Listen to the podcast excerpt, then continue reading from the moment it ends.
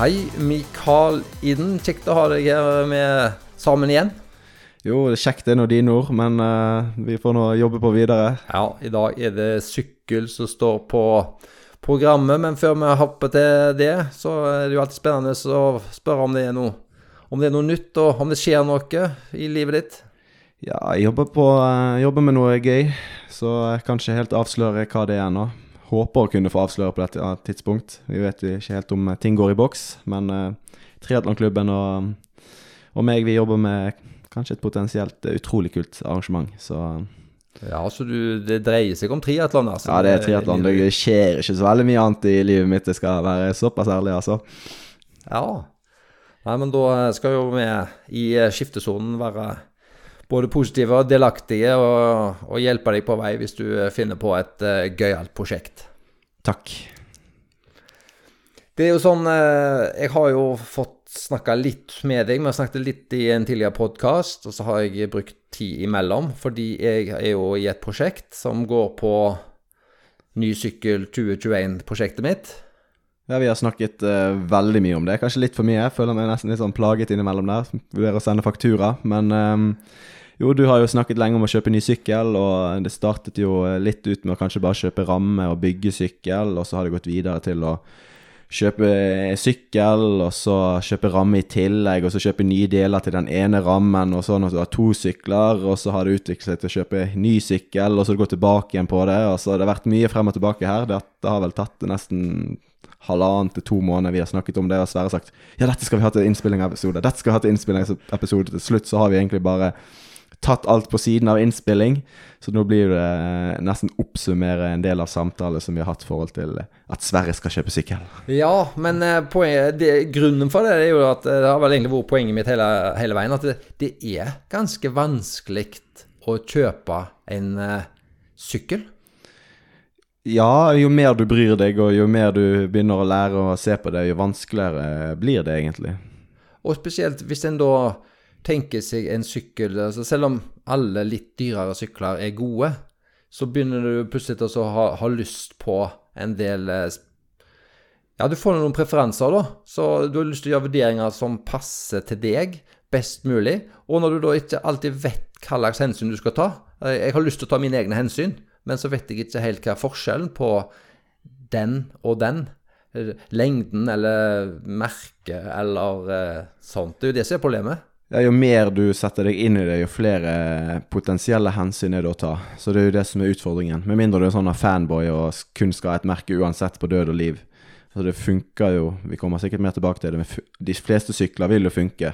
Så lenge de cirka er innenfor samme, samme, størrelse. Men hadde noe annet fungert bedre og ville vært mer komfortabel med det, det er jo det som er det store spørsmålet som vi, eller du, lurer på. da.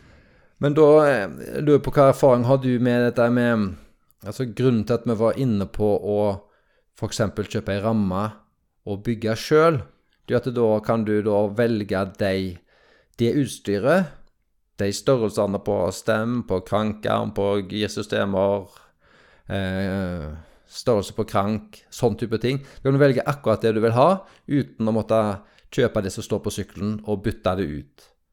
Det, det er jo det som er utgangspunktet. Men så lett føler du, eller er din erfaring, at du kan få lov å kjøpe det fra butikken av akkurat det du egentlig vil ha? Altså som ferdigpakke? Um, de fleste sykkelbutikker vil nok sikkert påstå at ja, jeg kan levere akkurat sånn som du vil ha den sykkelen. Det vil nok de komme i etterkant og si. Men hvis du sier jeg skal ha det sånn, jeg vil ha det sånn, jeg vil ha det sånn, så er det nok mange som sier ja, men du kan få denne her sånn som det. Eller så vil de gi deg en pris som er dobbelt så dyr som det det kanskje, kanskje ville være. Men det var jo det argumentet inn i hva du skal kjøpe.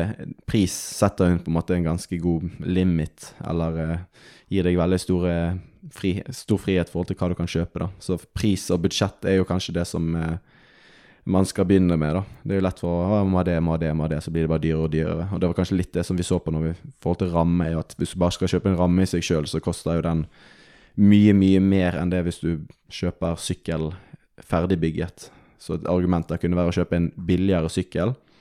Eh, altså kjøpe det billigste utstyret, men du får jo fortsatt den samme rammen som på den dyreste utstyret. Kanskje litt forskjell i karbon, eh, men minimale forskjeller egentlig på sykkelrammen. Og så da byttet ut deler derfra. Det ville vært billigere enn det å bare kjøpe rammen i seg sjøl. Men det var jo et eh, forslag som vi la fra oss. Ja, fordi sånn som jeg forstår det, da, så er det Du har større sjanse å gjøre et ganske godt kjøp på sykkel og få en god pris hvis du tar, kaller det å ta til takke med den sykkelen de har, eller de, det oppsettet som man allerede har. Eh, da er det større sjanse for oss å gjøre et eh, bedre kjøp, eller få det rimeligst mulig da, for deg. Ja, kjøper du en uh, fjorårsmodell ved en eller annen ramme, så vil den, eller en eller annen sykkel, så vil den Det vil være en sinnssykt god deal, egentlig. Altså, du får kanskje et 105 girsystem og OK hjul og OK det og OK det. Alt, alt vil egentlig være bra, men så Oi, kanskje jeg skal ha en lengre stem. Ja, men jeg har jo lyst på vattkranken min, jeg har jo lyst på andre hjul, og så plutselig så sitter du ut igjen med kostnader som vil være 5000-10 000 kroner, som var sykkel kanskje ikke så billig allikevel. Nei, så det er i hvert fall det jeg har vært litt på jakt etter, da, og fortsatt uh, sjekke litt. Begynne å nærme meg noe, hva sykkel jeg uh, vil ha. Men det har litt å si hva muligheter jeg har for å få treffe best mulig på mine preferanser i både utstyr og lengde og størrelse. Ja, nå skal vi i dette prosjektet er jo nå, nå skal Sverre få en perfekt sykkel. Han skal aldri kjøpe nye deler på denne sykkelen. her. Det han skal bare bruke fra dag én. Alt stemmer. Jeg, jeg, har jo lyst til å ha det, ja. Og så kan en heller bytte etter hvert. Det må jo være optimale, og så slippe å bruke tusenvis av kroner på eh, en ny eh, krank, eller en ny krankammer, når du har to stykker som er helt nye. En av eh, dagene vi diskuterte dette med Sverre, så sa jeg ja, men du kan jo bytte drev. Du kan bytte liksom eh, hvor, hvor, hvor tung gir du har på fremme på, på kranken. Hva, her går det an Hæ? Hæ? Hva er det du snakker om? Hva, hva, hva, er dette for noe? Ja, det går faktisk an å bytte dreven. Du trenger ikke kjøpe helt ny krank bare fordi du skal ha tyngre gir foran. Å ja, nei Nei, dette Jo, hæ? Ja, nå hører jeg at du, ah. jeg at du forsøker å mobbe meg litt. Dette er en av grunnene til at jeg nå nettopp har bygd ei isolert sykkelbod i garasjen. Det er for at det skal gjøres litt mer komfortabelt for deg og øke sjansen for at du kommer bortom og hjelper meg med denne prosessen. Eller så må du kjøpe en ny ferdig sykkel som er ferdig satt opp. Begge deler. Da lurer jeg på, for dette er jo ting som jeg har, vi har diskutert litt. Jeg har ikke fått helt eh, svarene, så vi kan diskutere litt her òg det er jo at eh, når en nå skal ut, og det er sikkert mange andre lyttere som er på sykkeljakt og, og gjør vurderinger til ny sesong og, og dette her eh, Vi skal ikke gå inn på bikefitting, for det skal vi snakke om i en eh, senere episode, håper vi. Men hvis du tenker dette her med bikefitting, og, og finne den sykkelen, eller ha en sykkel som er mer eller mindre optimal for deg, bør en etter ditt, eh, etter ditt syn gjøre å ha en bikefit i forkant av at en velger sykkel? At du har en del eh, mål? Eller er det sånn at du kan få tilpasset alle mulige sykler? Så lenge du har si, rett størrelse da, på ramma, måler beina dine, og du har rett størrelse på ramma, vil du få alle sykler til å passe perfekt til deg? Uh, det var et uh, stort og uh, massivt spørsmål. Um, det jeg kanskje vil si først, er jo at hvis du går fra å ikke sykle til å sykle mye, så vil ting forandre seg. Eh, så for eksempel drar du tre uker på Mallorca og sykler hver eneste dag, så vil du sitte annerledes på sykkel dag én enn det du gjør siste dagen. Samme som hvis du begynner å løpe eller hvis du begynner å svømme. Teknikken og hvordan kroppen, bevegeligheten, den vil forandre seg en god del. Så hvis du skal gå på bikefitting før du eventuelt har syklet i det hele tatt, så vet jeg ikke helt nødvendig om det vil være det lureste. Så det å ha sykle litt i bunn vil jo være eh, regel nummer én. Um, og så vil det være en prosess som vil Altså, eh, ting vil jo utvikle seg hele tiden, og vil være, det vil være ganske dynamisk hvordan du egentlig sitter på sykkel. Det er i hvert fall min erfaring, at jeg, jeg skrur opp og justerer litt grann, sånn stort sett gjennom hele sesongen i forhold til hvordan, hvordan kroppen er og hvordan den føles. Men å ha et, eh, en preferanse på sånn cirka kan nok være lurt hvis du skal kjøpe en, en sykkel. Altså hvor høyt skal du ha setet ditt, og hvor langt frem vil du, og hvor langt ned vil du framme.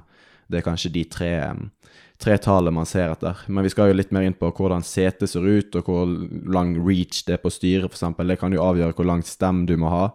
Eh, eller hvordan setet er. Sant? Hvis du sitter eh, mye lenger fremme på et eh, specialized power-sete for forhold til hvordan du sitter på et, eh, et fysikk antaresete, Antares-sete, så vil jo det avgjøre veldig hvordan du hvor høyt du kan sitte, og hvor langt frem eh, styret ditt skal være. Men å ha noen preferanser vil nok være lurt. Men om du kan stille alle sykler i størrelse 56, for eksempel, inn til deg um, Ja, godt nok, eh, eller greit nok, men det vil føles forskjellig hvordan du sitter på disse syklene, det tror jeg, og hvordan de oppleves. Det er jo en grunn for at man selger eller reklameres for at sykler oppleves på forskjellige måter. En sånn aluminiumssykkel føles jo annerledes enn en karbonsykkel, og da vil jo små vinkler i styrerør og i hjulavstand vil jo føles annerledes, og selv om kanskje hvordan eh, krank, styre og sete er i forhold til hverandre, selv om de vil være like over hele linjen, så vil det kanskje føles annerledes fordi sykkel oppfører seg på en helt annen måte.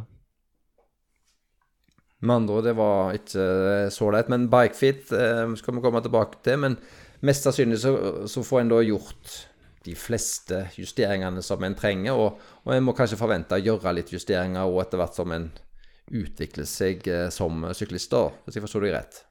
Eh, ja, eh, og så sånn, har du, har du allerede feil utgangspunkt med veldig lange krankarmer eller en for stor sykkel eller for liten sykkel, så finnes det grenser på hvor mye du kan klare å hente deg inn. Da. Så du må jo ha du må ha et godt nok utgangspunkt i den sykkel og det utstyret som du har, forhold til å få det, forhold til å få det godt nok, da.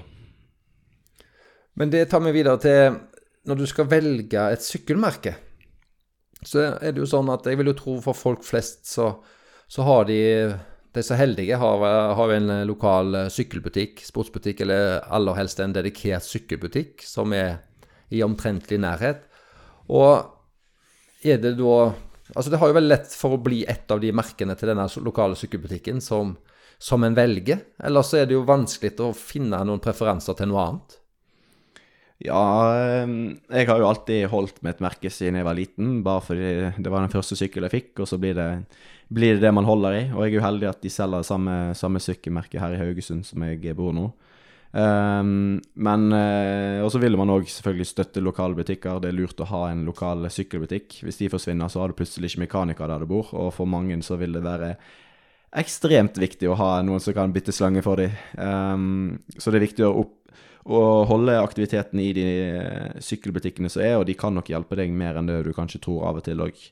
Um, så velge sykkelmerker via de vil nå være det lureste, og de kan ofte få tak i mer enn det som de kanskje selger i butikk òg. Men man, man, må forvente at man må kanskje vente til og med flere måneder på sykkel. I 2020 nå så har det vært så stort sykkelsalg at uh, det er utsolgt nesten overalt, og det er så lang leveringstid at uh, folk er helt i sjokk. Det er lengre leveringstid på sykler enn det er på biler. Så, um, så, det er noe man må kanskje ta med i betraktning i uh, forhold til dette nå, da. Det var en sykkel som jeg var nysgjerrig på, som jeg var veldig interessert i, og stakk innom en, eh, en av de sykkelbutikkene her. Og da fikk jeg vite at uh, dette var jo uh, et par uker før jul jeg var innom, og da sto det at den var ubekrefta levering i juli 2021. Ja, der ser I min størrelse. Så det, det, kunne være at de kunne levere den i juli 2021. Ja, så det er ikke alltid da er det, er kanskje bedre å gå på en random nettbutikk og kjøpe et eller annet som de har inne. Men um, der må man nesten kjenne litt på sjøl hva merke man er interessert i. Uh, veldig mange sykler er jo stort sett veldig like, men så er det kanskje hvordan de kan leveres. Det er jo det som er litt sånn eh, spørsmål her nå, da. Ja, for et annet alternativ på valg av sykkel er jo Du kan selvfølgelig gå for noe som ser kult ut, eller så kan du gå for en sykkel som hvis du har en form for en Det er jo derfor folk blir sponsa. At du har en, en helt i, eh, innenfor, om det er triatlon eller om det er eh, sykling eller noe sånt, så går det jo an å gå for Ja, du ser at han sykler på den eh, sykkelen, så den, den må jo være bra. Det er jo en måte å gjøre det på, men vil du forstå det dit hen at det er bedre nesten å gå for den lokale, lokale butikken da, for å få tilpasset å ha et kundeforhold, heller enn å gå etter helten sitt merke og nettkjøp? Ja, det er vanskelige spørsmål, altså. Um, der må du nesten kjenne litt på det sjøl, tenker jeg. Men nå um, Det må vi kanskje si at det er en racersykkel Sverre skal ha.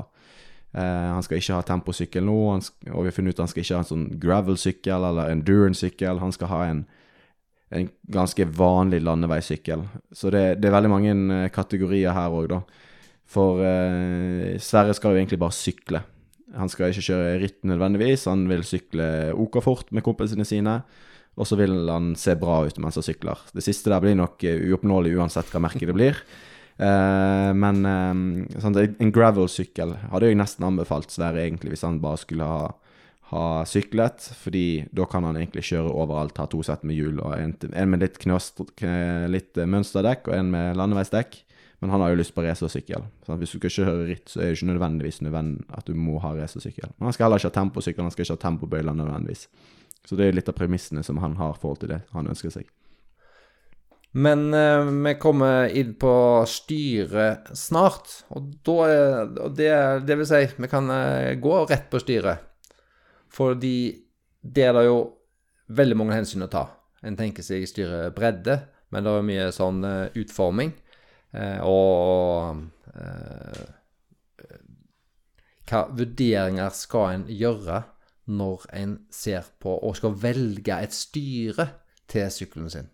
De fleste skal ikke velge et styre til sykkelen sin, for de tar det som de får med. Ehm, men styret Du har reach, hvor langt frem det går, og så har du da drop, hvor dypt det går, og så har du litt eh, ulike vinkler. Ehm, men det som er et spørsmål her, og det går på en måte litt på bikefitting, er jo om du ønsker å sykle fort, altså om du vil være veldig aerodynamisk, eller om du ønsker å veldig, være veldig komfortabel. da.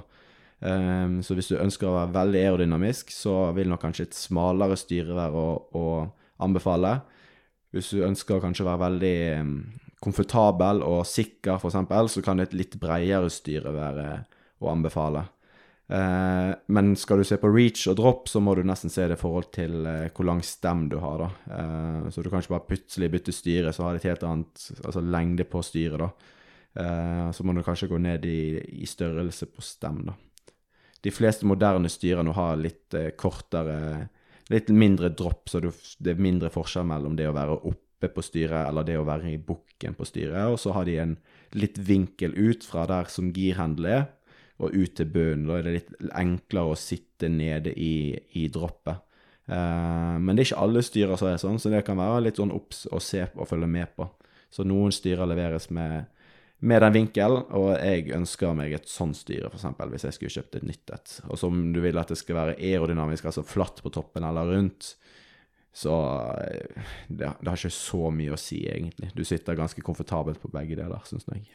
Men det har jo litt å si på Jeg har forstått det sånn at eh, det er jo ikke alle styrene du kan bruke aerobars. Og hvis du da tenker deg at du ønsker å bruke én sykkel og gjøre triatlon, og du ikke har eh, temposykkel, Ja, så kan det være en, hensiktsmessig. eh, Og og da er jo en god del set, eh, styrer, spesielt med de som er mer flate, da, ikke kan bruke det. Og hvis du i tillegg har helintegrerte styrer med stem, så koster det jo ei halve formue å bytte de. Ja, du har jo sagt at du ønsker kanskje å ha den muligheten til å kunne feste. Ikke sikkert du kommer til å bruke den, men du ønsker muligheten. Um, og da er det noe man må følge litt med på. Altså, er det, hvis det er sånn integrert styre og stem, uh, så er det ofte så rare former at det er ingen sånn standard, eh, standard tempostyrer som passer. Da må du kanskje lage det litt sjøl, eller at du, de lagre er tilpasset som til sykler, sånn som trekker. Men eksempel trekk sin koster jo 2500 kroner for den tempobilen. Og det er det du ønsker å betale hvis du kan kjøpe noe for 500 kroner på Finn i disse tempobilene. Som kanskje vil være mye mer eh, justerbart og passe bedre i forhold til å sitte godt i tempobiler på en landeveissykkel. Så hvis du ønsker tempobiler, så er det ikke alle disse vanlige aerostyrene som eh, er brukernes til, til det. Så da må du være litt obs. Men eh, Mikael, eh, vi må jo forsøke å gi et eh, konkret forslag til hva en kan velge. Og i den anledning så fikk vi inn et spørsmål til Skiftesonen Triatlonpodden på Instagram, der en, en som sier jeg er på jakt etter en sykkel som skal brukes både til vanlig landevei og til triatlon. Derfor har jeg tenkt meg fram til følgende løsning. En aeroramme, kanskje med Rida Reactor, med to sett setepinne og sadel, og vanlig styre pluss sånn eh, clip-on bas. eh, slik at det kjapt og enkelt kan bytte mellom de to. Det er noe litt videre òg, men eh, hva tenker du om først og fremst den første delen av spørsmålet hans? Kan en si noe konkret til det? Nei, det handler vel litt om ambisjonsnivå. Hva, hvor fort skal man kjøre til, til syvende og sist? Hvis man vil og skal ha de siste ti minuttene, så vil jo en temposykkel være raskere på de fleste triatlonkonkurranser. Men hvis det hvis en bare skal fullføre og ha det kjekt, så vil en landeveissykkel fungere ti av ti ganger, um, med og uten tempobøyler. Men å ha tempobøyler er, er en no-brainer, som du kaller det. Uh, det, går, uh, det, går, fortere, så enkelt er det. Så det å ha en eh, landeveissykkel med tempobøyler er absolutt veien å gå. Um, men en landeveissykkel har ikke nødvendigvis samme geometrien som en temposykkel. En temposykkel har gjerne litt lengre reach. Um, altså rammene litt lengre enn en vanlig racersykkel. Så det å stille inn at det skal bli 100 til begge deler, er ikke nødvendigvis superenkelt sånn sett. Uh, men jeg ville gått for å, å finne egentlig midtpunktet mellom de to. Uh, tatt setet så langt frem så det er lovlig mulig. Hatt et uh, sånt sete som jeg nevnte i episoden tidligere. et litt breit tupp på. Ikke et sånn fullblods temposete, for det er det er nok vanskelig å bruke på, um, på vanlig landevei. Du blir litt for, litt for langt fremme og litt for ustabil. Du vil kunne bytte litt på tyngdepunktet på når du kjører landeveissykkel og ritt. Um, så få setet godt frem, og så må du da finne en stemlengde som gjør at uh, du finner, finner, det komfortabelt å sitte på, på hoodsene og i bøyle. uh, ja, i droppet, og så er det å finne da bøyle, hvordan man skal få det mest mulig aero og komfortabelt. Uh, men det, der òg, så vil du Har du ikke kjørt noe på temposykkel, så vil du bare jobbe det litt inn. Så finn kanskje den en grei, komfortabel landeveisstilling, og så jobber du deg inn i tempoposisjonen, og så etter hvert som du sykler mer, så vil kanskje hele oppsettet endre seg litt. Men å ha to setepinner og forskjellige seter og sånne ting, det vet jeg ikke helt eh, det, jeg ville ikke gått for det. Um, men en landeveissykkel, aerosykkel med tempobøyler, er et skikkelig bra utgangspunkt. Det er flere som har kjørt Norseman på det. Gustav vant vel VM 70,3 på landeveissykkel med tempobøyler. Eh, jeg og flere andre satt de beste sykkeltidene på trikvart for noen år siden med landeveissykkel og tempobøyler. Jeg hadde ikke aerosykkel engang. Um, så du som person er jo den som tar mest vind, så det er absolutt det jeg hadde gått for. Jeg har kjørt mange år med vanlig racersykkel og tempobøyler, og du får jo bare en helt annen fil på det. Men uh, en må kanskje leite litt for å finne den perfekte stillingen som, som dekker mest mulig på uh, som landeveissykkel og som tempobøyler. Så jeg ville egentlig bare hatt tempobøyle på hele tiden, um, bortsett fra hvis du skulle kjørt et ritt eller i en spesiell gruppe, eller skal du komme opp en bakke, så ville bare hatt det på hele tiden og brukt det så mye som mulig. Ja, rett og slett for å bli vant med å bruke det. Ja, og så er det mye kjekkere. Du får jo kjørt mye fortere. Men da videre i spørsmålet så spør han jeg håper også å få gjort sykkeltilpasning til både vanlig sykling og triatlon. Høres dette ut som en eh, god plan? Um, uh, jeg ville kjørt en stund på det oppsettet som du finner greit komfortabelt, sett i speil. Du kan bruke eh, sånn Apple-TV, så kan du sette opp eh, kamera, og du kan filme deg sjøl mens du sykler. Eh, få en skjerm foran deg. Det er et utrolig bra verktøy. Um, og så bare jobbe derfra. Også hvis du føler at du ikke finner ut av en av posisjonene, så tror jeg kanskje at uh, bikefitting kunne vært inni det. Uh, men sånn, hvis det er greit og behagelig, det ser, ser fint ut, og um, du ikke får noe vondter i stor grad, så um, er det ikke sånn at jeg ville løpt og tatt en bikefitting sånn med en gang. Så skriver han triatlonoppsettet skal først og fremst brukes på HV3. Noen tips til eh, denne konkurransen? Og der eh, bør vi vel kanskje bare vise til den eh, episoden vi hadde rett før HV3 i fjor, der vi snakker med race manager, og han tar oss vel igjennom denne konkurransen. Er det noen andre ting? Du har jo vært med der med Mikael? Ja, jeg har vel vært med der et par ganger. Og det er jo ikke en løype som egentlig er sånn veldig temposykkelpreget, egentlig. Du skal litt opp fra svømmingen, og skal du inn i en runde der det kan være mye folk, og det er mye svinger. Så en landeveissykkel i den løypen med tempobøyler er egentlig ikke eh, så veldig dumt, eh, så dumt oppsett, egentlig. Så eh, han har funnet egentlig en, en god, god tanke i bunnen der. Så den er bare å utføre. Og siste punktet hans, da, det gjentar han eh, for så vidt delvis, men hvor stor fordel vil det være med en clip-on bars versus vanlig styre?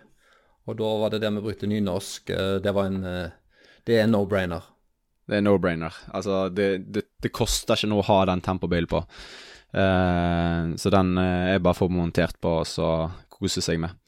Så skal du kjøre opp en sinnssykt lang bratt bakke, uh, kanskje vil vekten på 300 gram være i veien, eller at du ikke kan sitte helt smalt på styret, men stort sett så er ikke den klipperen i veien i det hele tatt, så den, den er bare å kose seg med. Men da gjenstår det egentlig bare å huske det i forkant av at du kjøper denne sykkelen du velger. For da, som vi har vært inne på, det er ikke alle styrene som kan ha sånne clip-on bars. Det, det er noen sånn helintegrerte som ikke kan ha det på. Da er det vel helst det vanlige runde som de clip-on er, er, er, er lagd til. De fleste, er ikke det, Mikael? Jo, det finnes jo spesielle bøyler som er laget til egne styrer, men et rundt styre og, og vil nok være det som vil være optimalt nå. Spesielt hvis han skal diale inn en god tempoposisjon, så må han nok mest sannsynlig endre stemmelengden òg.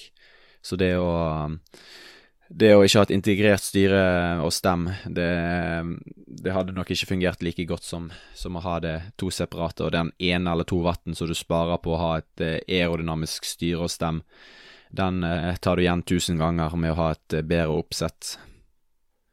Ja, men da håper jeg at det har gitt en, et greit svar på det.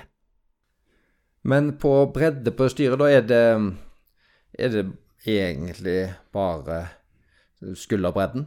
Din egen skulderbredde du omtrentlig tar eh, hensyn til. Og så vekter du litt om om du vil ha litt komfort og litt og sitte litt Jeg føler deg litt mer trygge med å ha eventuelt en liten tanke bredere.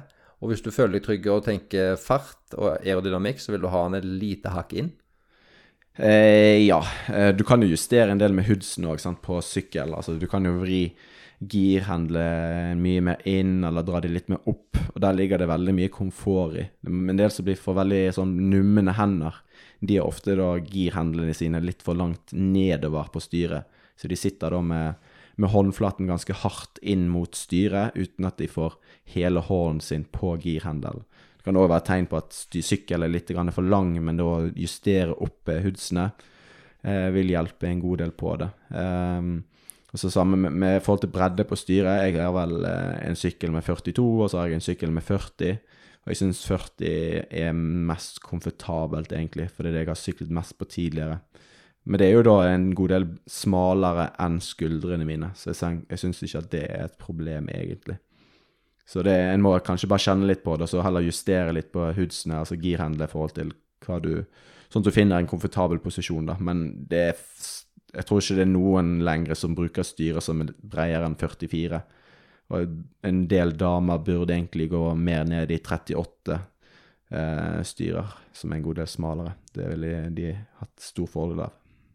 Men når det gjelder disse bremse, eller gir- og bremseskifterne, eller HUD, som du sier, er det forskjellig utforming på dem? Kan en kjøpe større eller mindre eller aggressive eller noe sånt, eller er de er det kun eh, hva sort du skal ha, om du skal ha tidelt eller ellevedelt? Har du små hender, så styrer du under uh, mekanisk Shimano som har hydraulisk system. De er ubrukelige. Det er som å holde i en murkloss. Ellers er Shimano med litt høyere modeller med hydraulisk, og SRAM og alt er egentlig ett fett. Det er ganske ganske greit alt sammen. SRAM sine er litt, litt mindre å holde i, som mange liker, men de nye sånn D2, Ultegra og Durace er veldig smale, og Campagnola er det litt sånn Det er nesten ingen som kjøper, det er jo veldig nisje. De er det mange som syns òg er greie å holde i, egentlig. Men oppsummerte du med, er, er det noen som er mer behagelige? Nei, det, det, blir sånn egen preferanse hva du liker best, egentlig. Så lenge du ikke går på de her eh, Shimano sine billigste system, de er helt horrible. Så da er det egentlig bare snakk om å, å, å, å, velge én. Og så hvis du skal bygge, så er det vel forskjell på Altså jeg må jo bare huske på at det er forskjell på om du kjøper en tidelt, ellevedelt eller tolvdelt eh, girskifter, f.eks. Kjøp ellevedelt 11-delt eller 12-delt, så er du sikret for framtiden. Ja. Skal du ha en treningssykkel som du finner på Finn, så kan du kjøpe 10-delt. Men ellers så ville jeg gått eh, for, for det nyeste. For det er vel mer om at tolvdelt som eh, har kommet, og eller kommer. Eh, ja, det er vel egentlig svaret på det. Shimano kommer vel med det mest sannsynlig nå eh, i løpet av året. Så da er alle på tolv. Før vi setter om styret, så nevnte du eh, at eh, jeg kunne like gjerne ha en eh, gravelsykkel. Er det sånn at Er det så nært en racersykkel at det er egentlig bare et spørsmål om så hissige de er? Altså er en gravel da egentlig bare litt mer snille, og så er det en racersykkel? Eh, ja, de har en god del større em, klaring i forhold til større dekk. Det er jo der den veldig store forskjell kommer. Du finner jo gravelsykler som har litt mer aggressive innstillinger, eller um, vinkler, og så har du gravelsykler som er veldig sånn behagelig stilt inn, da. Um, sånn cyclecross Du må ikke blande cyclecross og gravelsykkel, for en cyclecross er en racingsykkel med de stor dekklaring. Sant? Så, så en gravelsykkel er ikke en cyclecross i sånn forstand. Og så har du disse endurance-sykler, sånn type Cannondale Synapse og Trekk har vel en tilsvarende modell. De fleste har en tilsvarende modell, men de, den modellen, eller den type sykler er vel kanskje litt på vei vekk, for de har ikke så stor dekklaring, men de har ganske like geometri som sånn en gravelsykkel. Så det er veldig mange sånn sykkelentusiaster som egentlig bare kjører rundt på gravel-sykler hele tiden, med da eh, kan bytte hjul forhold til hva de egentlig ønsker å gjøre på dagens tur, da. Men det vil si at hvis du sykler et eh, Hvis du skulle vært med på en sånn type turritt, eh, lokal turritt, så ville ingen reagert på at du sykla med en gravelsykkel med f.eks. et uh, litt uh, friskt hjulsett? Du hadde nok blitt observert, sånn sett. Jeg hadde ikke gjort det, for jeg vil jo sykle fort, fort for mine løp og har jo ambisjoner om å kanskje vinne. Men du har jo egentlig ikke ambisjoner om å sykle annet enn å en tur, tur etter Haugesund-Sauda og være, være med. Og da vil det ikke være de store forskjellene, egentlig. Så en, har du en topp aerodynamisk racersykkel, så vil jo den være raskere enn en gravelsykkel. Men sånn i det store og det hele så er det kanskje ikke et dumt valg for veldig mange å ta. En hører jo at eh, når en leser og sjekker hva sykkel en skal ha Så jeg har jo Jeg gjentar igjen at jeg syns dette er fryktelig vanskelig. da. Og når en eh, ser på vekt, så er det jo Ja, toppmodeller er jo litt eh, lettere gjerne, men selv der er det jo en del forskjell på, på vekt på syklene. Og en hører jo om typisk mer klatresykkel, eh, som er nok lettere enn en standard en aerosykkel. Selv om en del aerosykler òg blir eh, lettere. Og da lurer jeg på, altså, når, når du og alle lytterne skal sitte og vurdere skal jeg ha en type klatresykkel, for jeg ser jo den er lettere, vi er jo veldig opphengt av vekt når du er syklist. Eh, Aeroen er en halv kilo, kanskje mer, dyrere, eh, tyngre.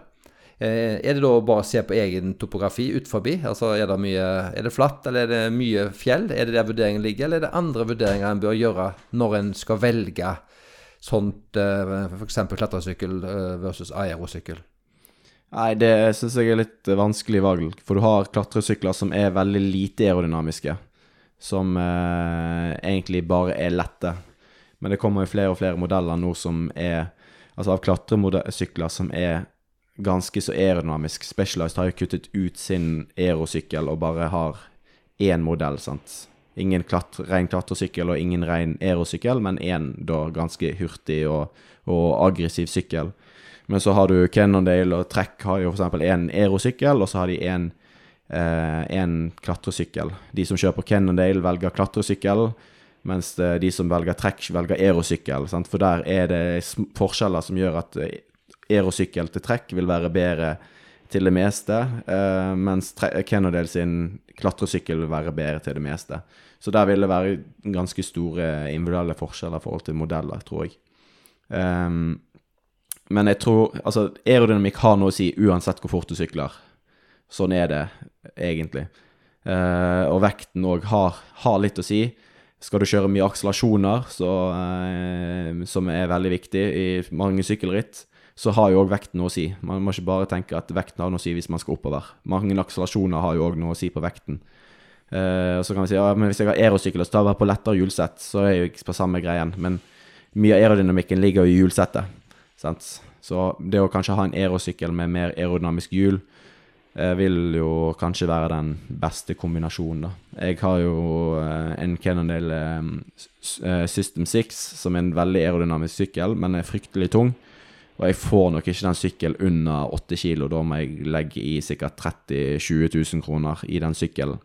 Eh, og det er noe jeg, jeg føler jeg savner egentlig i den sykkelen der, da. Så hvis du skulle valgt på nytt, så ville jeg valgt en, en sykkel som er sånn En type klatresykkel, men som har aerodynamiske egenskaper.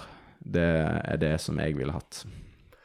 Ja, fordi i søken også har jeg jo sett at det da er jo eh, type noen aeromodeller på merker som faktisk tidvis har blitt brukt på klatreetapper av ganske gode ryttere. Så Det de- stemmer. Så det virker jo som at det er noen som Altså det er det de søker etter. Ja, det, for aerodynamikk har jo noe å si oppover òg, spesielt i den farten som proffene sykler i 20 km i timen. Uh, så det skal bli fryktelig eh, bratt før det halvkilet har, eh, har så mye å si. Uh, men det er jo veldig stor forskjell på hvor lette disse aerosyklene er til de forskjellige mod- modellene. Den Kennedale sin sykkel er jo fryktelig tung. Altså det hele systemet der bare gjør det så tungt med, eh, med alt som er integrert. Eh, men så har du noen modeller, noen aerosykler, toppmodeller, som er, som er veldig mye lettere. Sånn Specialized en sykkel nå, som er Den Vengeance som var før òg, var jo en relativt lett sykkel, egentlig. Fordi det, det er jo en gang sånn at det, når du skal sykle opp, så skal du jo på et eller annet tidspunkt eh, ned igjen nå.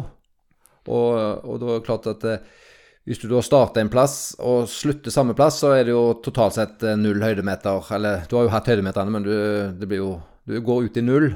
Eh, og da mm, vil du jo måtte veie opp da, så mye du kan ta inn igjen nedover. Og er det, vil du si at det er så mye å hente på en aerosykkel at det kan langt på vei veie opp eh, det som den eventuelt de 100 grammene eller 400 grammene er i forskjellig tyngde? Kjører du alene, så, så er det meget sannsynlig at en aerodynamisk sykkel vil være raskere totalt sett. Um, så eh, en må ikke bare henge seg opp i, i, eh, i, i småting, for, for du skal jo kjøre hele distansen. Så ja. Det var et veldig dårlig svar. Det Du var så vidt inne på dette her med sete. Og når jeg har tenkt sete, det, det vil si at det har jeg omtrent ikke tenkt på. Fordi det, har jeg sett for meg at eh, ok, det er komfort. Hva som passer til din, eh, ditt bekken og eh, dette, disse beina som du sitter på der nede.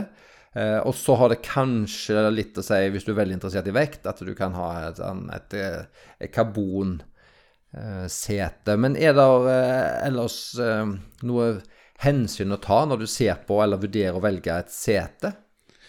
Eh, Ja, for noen år siden så ble det et skift mot disse her eh, kortere setene, som der du eh, hoftebeinet sitter mye lenger framme, da. Um, og egentlig alle sykkelsetemerker leverer jo sånne type seter nå, da. Proffene har vært litt eh, hengt litt igjen egentlig med å gå over til disse kortere setene. Eh, ellers så har jo egentlig stort sett alle andre som sykler, gått over til til korte, breie seter. Eh, fordelen med det er at du kommer lenger frem på sykkelen. Eh, og du får åpnet opp hoften, og du får da mer kraft. Så det er jo regler for hvor langt frem du kan ta setet i sykkelen, og det er jo med god grunn. Du får, du får mer effekt ned i pedalene. Så med å gå over til et sånt sete i forhold til å ha et eh, gammelt, tradisjonelt, langt, tynt sete, eh, vil være ganske, ganske stor, faktisk.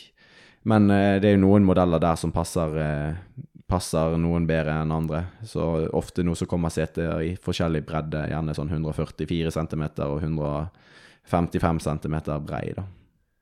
Men er du kjent med Ikke centimeter, men millimeter. Millimeter. Ja. Men, men eh, hvordan kan du få eh, Er det mange plasser du kan få teste eh, seter? Store, store seter? sykkelbutikker har jo gjerne at du kan ha en testordning på seter, men eh, ellers så må man kanskje bare spørre en kompis om man kan prøve setet deres, eller eh, sjekke litt rundt på Finn. Det er jo alltid noen som, noen som selger disse setene, da, og så får man heller selge de videre. Men ofte de setene som kommer med sykler, er stort sett ikke, ikke de beste. Det er de ikke. Eh, men det, jeg vil jo tro at du kan ikke bare sitte på den i fem minutter. Du, du, må jo ut og så sykle på disse setene. Altså sitte noen timer og sykle tur. Ja, det må du nok. Eh, så det å søke litt opp i hva modeller som er de beste, sånn type Specialized Power har jo veldig god Får gode tilbakemeldinger. Ikke alle som liker de. Og så har du type eh, Pro Stelt og et sånn tilsvarende sete. Og så har Hvis du finner modeller som ligner litt på de, så er det bare å prøve. Men eh, ikke bare heng deg opp i om setet er bra, så bommer du litt på vinkel der, så er alle seter vonde. Sitter du for høyt, så er alle seter vonde. Så du må, du må leite litt på å finne riktig vinkel på setet. Altså peker det kanskje litt grann nedover, eller vil du ha det helt flatt? Det blir en stor forskjell, det. Eller om du vil ha det litt grann lenger bak, eller litt grann lenger fram. Så du må nok ha en par runder på setet før du, før du er fornøyd. Og det kan nesten bare lønne seg å kjøpe det, og så bruke det en stund, og så ser man OK, når jeg har justert og sånn som det her, så er det bra. Men eh, ja. Men eh, er det noen eh, seter Jeg har hørt noe at noen seter er lettere å sitte på forskjellige plasser. Altså, jeg, jeg tenker jo at det må jo være et viktig poeng å sette seg på samme plass. Altså Hvis du har gjort en del da, målinger, at du skal sitte korrekt på sykkelen. Og hvis den er innstilt og det går inn forbi noen millimeter, det er sånn fem millimeter fram og fem millimeter tilbake, for å finne en god sittestilling.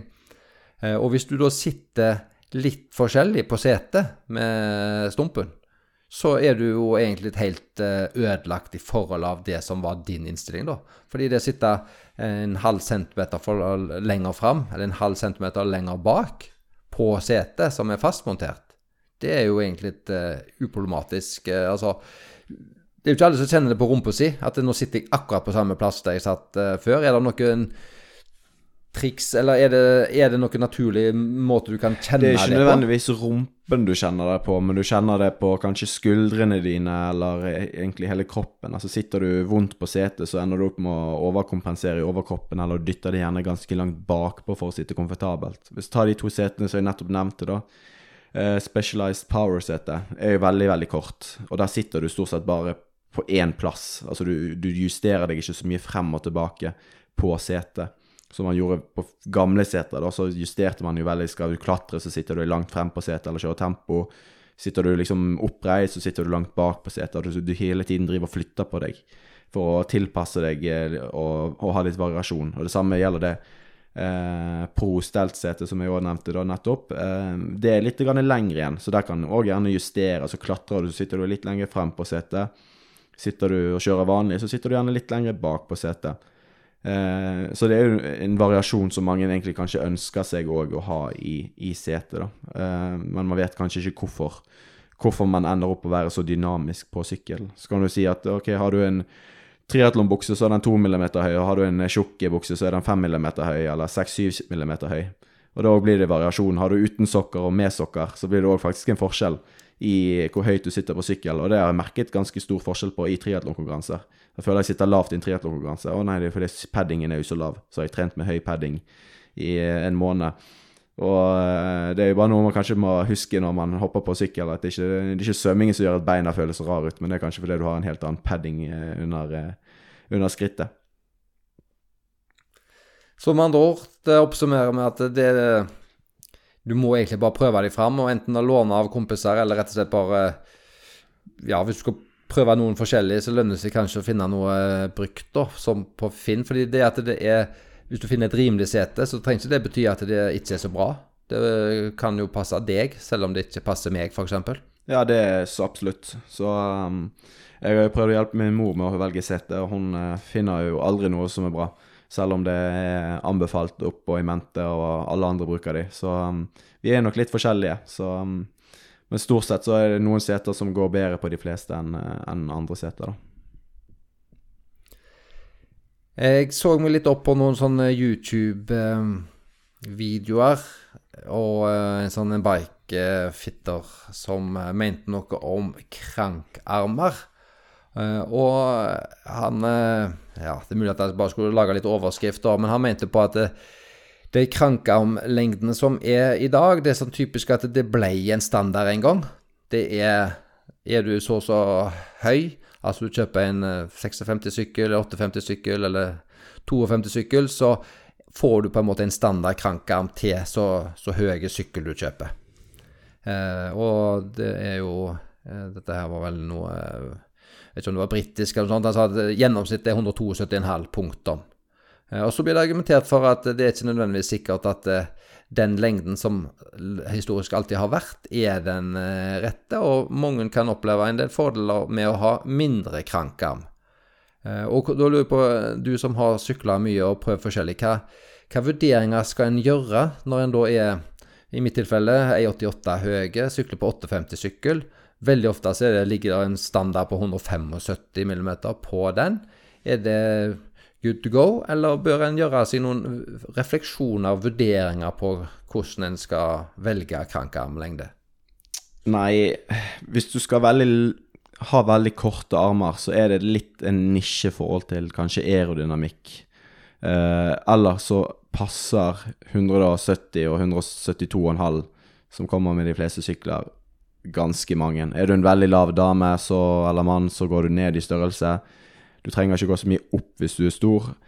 Jeg har stort sett kjørt på 172,5 på alle mine sykler, men har en sykkel som jeg av og til bruker i Bergen som er 175 mm på, og det merker jeg en forskjell på. Da, jeg kjenner at det, det er greit med kraft i, periode, i en periode, men det blir liksom daff. Altså, muskulaturen sliter med å konsentrere seg med at man skal bevege seg såpass mye rundt.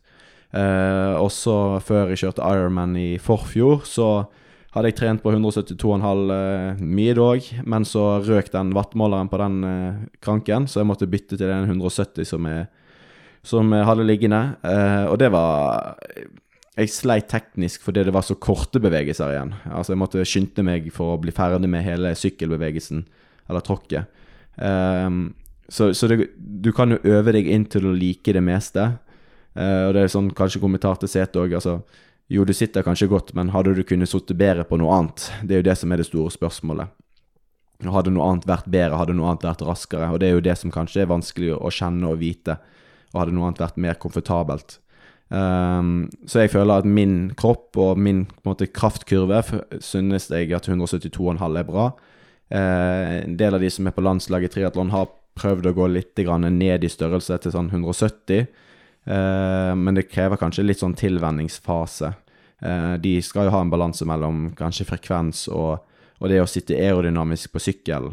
Eh, men det å gå veldig mye lavere for de vil ikke sånn Kanskje noe man har vurdert så veldig mye. Men sånn, skal du ha en super aerodynamisk posisjon på en temposykkel, så vil nok det være kanskje lønne seg å ha en veldig veldig korte krankammer, for da får man åpnet hoften en, en god del, faktisk. En får åpne hoftene noe, og en kan jo sitte lenger nede. Ja, det er fordi du åpner hoftene? Ja, så da kan du, du bevege deg mer ned. Bedre aerodynamikk, Ja. med at du får en eh, mindre motstand mot kroppen. Ja. ja, det er vinkler som endrer på seg, og da får du bedre plass til å bøye deg mer ned. Ja. Ja.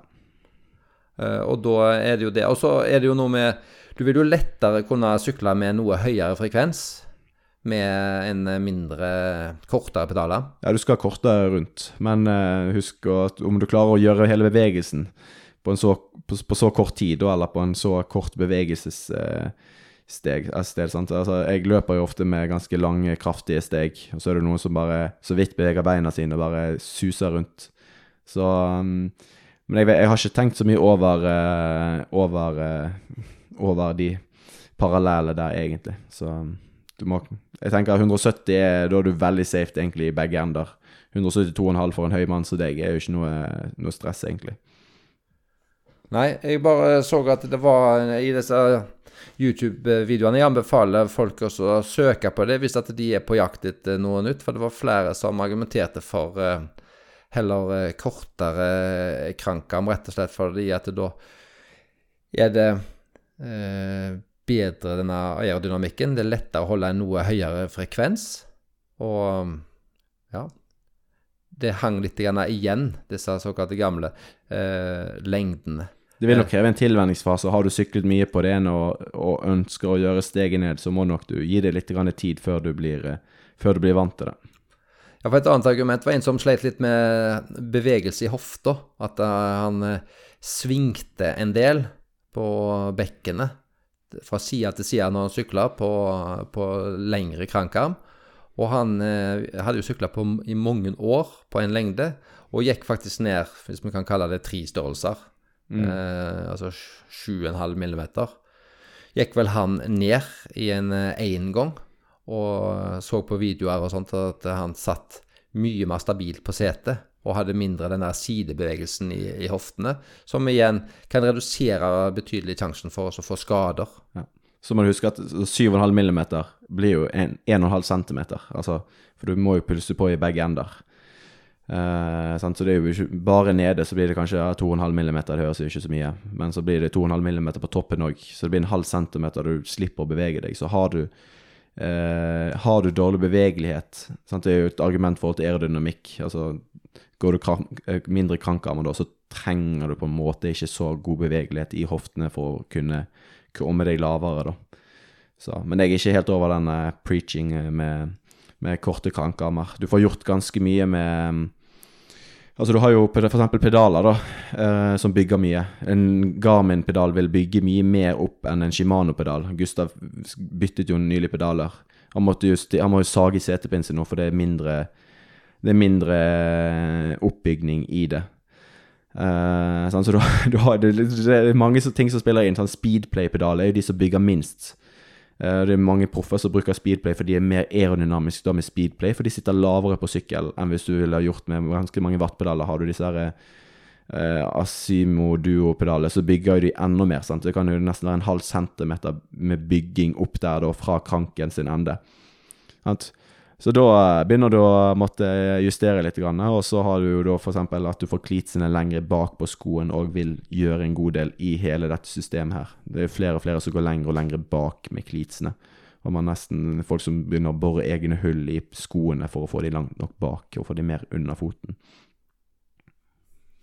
Der anbefales det vel òg en del uh, YouTube-filmer for en del, men det er i hvert fall en del vurderinger en bør gjøre. Og klart at hvis en kan få velge den eh, krankarmen, eh, størrelsen som Og ikke minst krank, som vi skal komme til nå. Hvis du kan få velge det når du kjøper sykkelen, så slipper du å ta den med deg hjem, og så kjøpe alt eh, på, på nytt.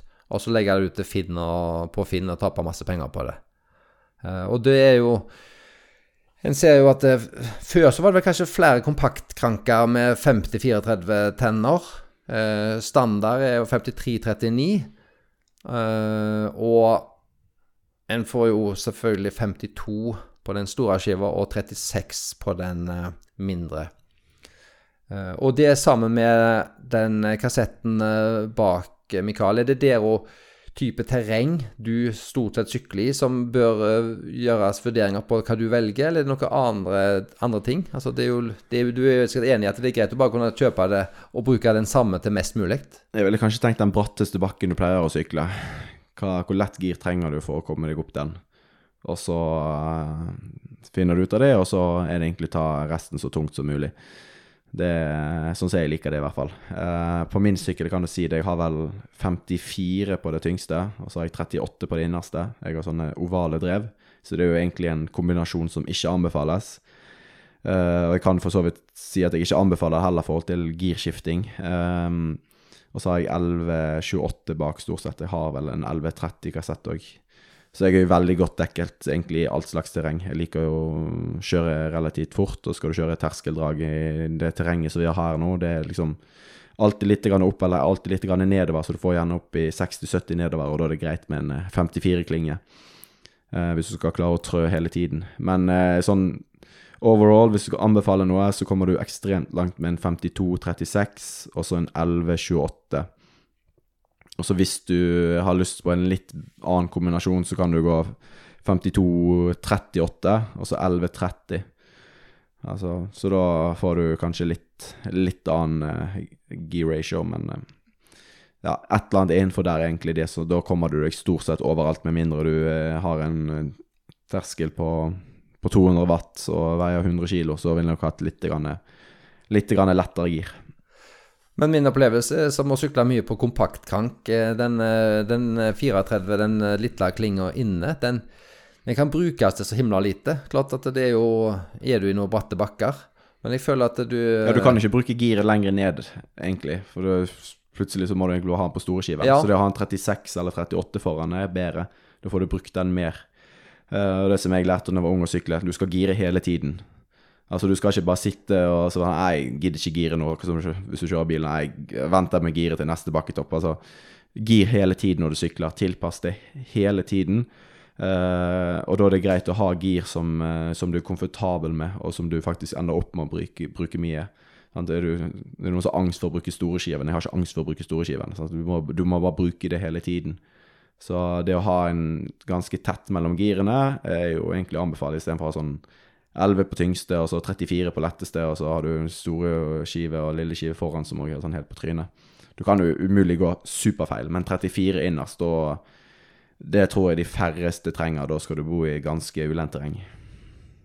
Men jeg ser jo at de som er proffer, de velger jo eh, selvfølgelig kassetter etter hva terreng de skal ut og sykle i den dagen. Og så vil de ha det tettest mulig girene innenfor, den, eh, innenfor det terrenget de, de trenger. Sånn at de har masse gir på med veldig liten eh, forskjell. Ja, Chris Froome han eh, kjører vel stort sett på da 52-38, tror jeg. For det er Osemetric som han kjører på, det samme som jeg har, er veldig sånn De har noen gir, du får ikke liksom oddetall, og du er nødt til å ha partall. Um, den ene etappen han vant i Tour de France det året, da han stakk fra over bakketoppen og kjørte fra et storfelt nedover, den dagen hadde han satt på en tyngre gir. Da hadde han 54 den dagen. Um, for da hadde han sett terrenget. Og det er jo mulig å gjøre sånne ting, men du skal være du skal, Jeg kjørte jo Haugesund-Nis på, på sykkel for noen år siden, eh, og da kjørte jeg opp alt det, så jeg kom meg opp der på en, en 38-28. Så det var jo samme Jeg hadde jo samme gir hele veien. Jeg byttet jo ikke den, og syns det, det gikk helt greit, men nå er jeg kanskje en litt sterkere syklist enn en god del andre, men altså 36 inne og 28 eller 30 bak, da kommer du opp de fleste bakker. Det, som et tips så eh, har jeg vært og sett på en sånn eh, kalkulator for beregning av fart på en gitt kadens. Og det for de som da eventuelt har Om de bare vil ha én eh, løsning, eller om de vil ha noen flere liggende, så var det ganske interessant å gå inn. Jeg var på en plass som heter Bikekalk. Eh, CALC, bikekalk.com. Der kan du bare legge inn de ulike størrelsene da på store skiver, lille skiver foran, og det du har bak, om det er 1128 eller om det er 1130, 1132. Og så ser du hva fart du genererer på de ulike kadensene. Og da vil du få en ganske klar formening om hva forskjellen er, eh, med hva type fart du kan oppnå da på tyngste giret, eksempelvis i 90 kadens, og der som du pleier å sykle, og hva kadens du liker. Så den, den eh, vil jeg faktisk anbefale til de som eventuelt vil som, som, lurer litt på hvor de bør eh, legge seg, og som sykler stort sett eh, de samme rittene og, eller de samme treningsturene, så, så, har du egentlig en ganske klar formening om hva du trenger. Sånn som du sa, ta utgangspunkt i den bratteste bakken du sykler. Mm. Men nå har jo SRAM kommet med, vel et godt år siden, helt andre tall. For de har jo 10 på tyngste og 12 delt bak. Så de har jo ikke 52 og 36 og disse tallene som vi holder på med nå, så dette blir jo nesten kun til Shimano-lyttere, sånn sett. Det er det jeg har. Ja. Vattmåling, Mikael. Hva muligheter er der der, og hva fordeler og ulemper er det? Hva, hva, folk, hva er det folk må vurdere? Det er jo typisk wattpedaler og wattkrank som vel er det meste. Og da er det like, er det like godt fordel jeg velger liksom om du skal ha muligheten til å bytte det fra forskjellige sykler, der kranken kanskje ikke kan bytte så lett? Eller hva vurderinger bør en gjøre der? Um, vurdering skal man ha watt eller ikke. Ja, man skal ha watt, hvis det, er et, hvis det i det hele tatt er en vurdering. Uh, det er vel egentlig bare noe som man må ha etter hvert. Uh, hver gang jeg ser en sykkel, så ser jeg alltid hvor er wattmåleren. Uh, problemet nå er at wattmåler blir jo mer og mer gjemt på syklene. Eh, du ser det nesten ikke lenger. Um, jeg har dårlig erfaring med pedaler, uh, og jeg ser det veldig mange andre som òg har relativt dårlig erfaring med det. De er gode når de er gode, og så er det masse tilkoblingsfeil, og eh, de er veldig utsatt for alt det velt, osv., osv. Og så er spørsmålet hvor ofte skal du faktisk bytte denne ene wattmåleren din over på den andre sykkelen? Kommer du faktisk til å gjøre det? Har du i det hele tatt to sykler du skal bytte på, eller er det bare en drøm som du har? Uh, så sånn sett så er jeg ikke helt sånn superfan av wattpedaler. Uh, Garmin sine pedaler har et analyseverktøy som er, er veldig nyttig. Men hvis du ikke bruker det, så hva skal du med det? Altså De færreste bruker det og endre skjermen på Garmin sin til uh, til, eh, til disse analyseverktøyene, og da er du helt bortkastet allikevel. Så da ender du egentlig opp med å ha, eh, ha eh, krankbaserte watt. Nav-basert i bakhjul er helt ute. Det var vel ti år siden sist ble produsert, vil jeg tro. Så krankbasert vattmåler er, er, det som du bør gå etter. Og så er spørsmålet skal du ha høyre eller venstre Eh, måling, og da ville jeg helst hatt noe som er da høyre-venstre, eller da måler samlet verdi. Det å ha en sånn Stages eller Four Eye som kun måler da venstrefoten din, det er godt nok til å produsere tall, men jeg ville helst unngått å begynt med det systemet hvis man kan det. Da ville jeg heller Jeg ville heller hatt eh, wattpedaler for 6000 kroner som går på begge pedaler, enn å ha hatt en 4Eye eller Stages.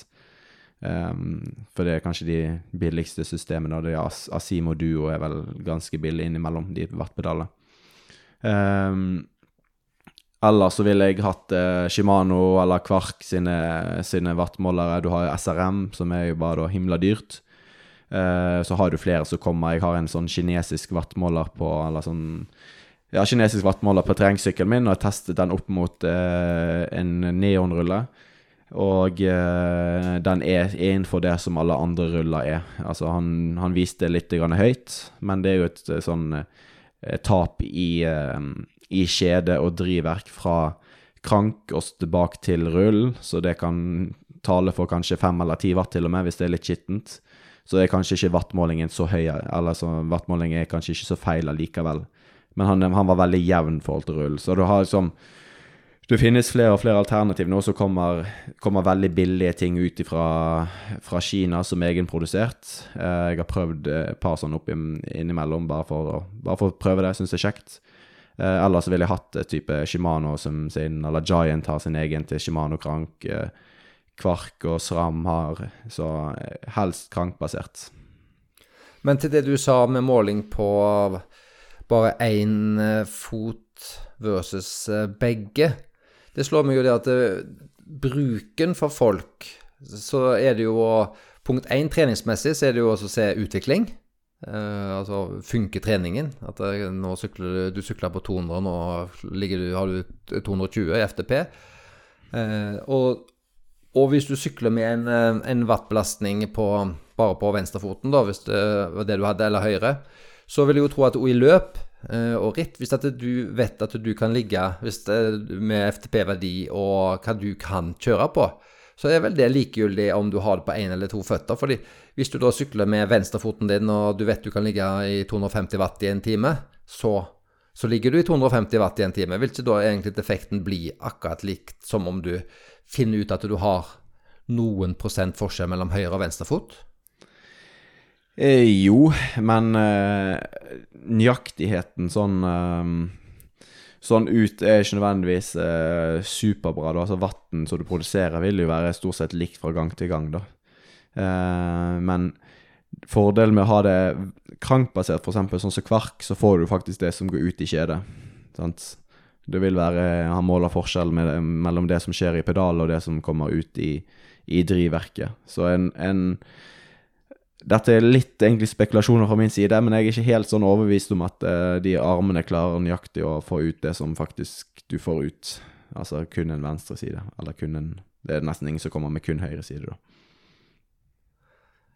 Men da er det litt vurdering og eh, litt eh, pris, men eh, du sier at da Du har i hvert fall endt på en litt eh, Heller en rimeligere eh, måler som måler begge bein, heller enn en uh, ett ben til samme pris. Ja. Og girbremsesystem, når jeg da skal se på det, så eh, ser jeg jo at du kan velge sykler. Du kan hente opp en, eh, de fleste merkene hvis en går på, på nettet. altså Ser en på den merken en vil ha, så kan en stort sett velge eh, SRAM eller Shimano. Og i de forskjellige nivåene de har der, fra 105 i Shimano og opp til Dureis, eller disse E-tapp og det systemet som SRAM har. Og så er det jo noe som har denne Compagnolo. Eh, hva Er det kun smak og behag? Er det prisvurderinger, eller hva som hva slags skal jeg klikke meg inn på når jeg da skal begynne å vurdere det? Hva preferanser og vurderinger skal jeg gjøre? Hva er best, liksom? Eller hva, hva trenger jeg? Nei, skal du gå på um, f.eks. SRAM nå, da, og leveres med Kranken DS, en, og med den wattbaserte Kranken DS, så må du huske at du kanskje tar et billigere type drev på, f.eks. Så må du ha akkurat deres drev for at det skal gå. Mens Shimane sine kranker, så kan du bytte for alt slags type drev. Uh, for eksempel har du en neonrulle som har vært 11 delt på, og så skal du ha plutselig SRAM som er 12 delt nå, så må du bytte det bosset, kanskje.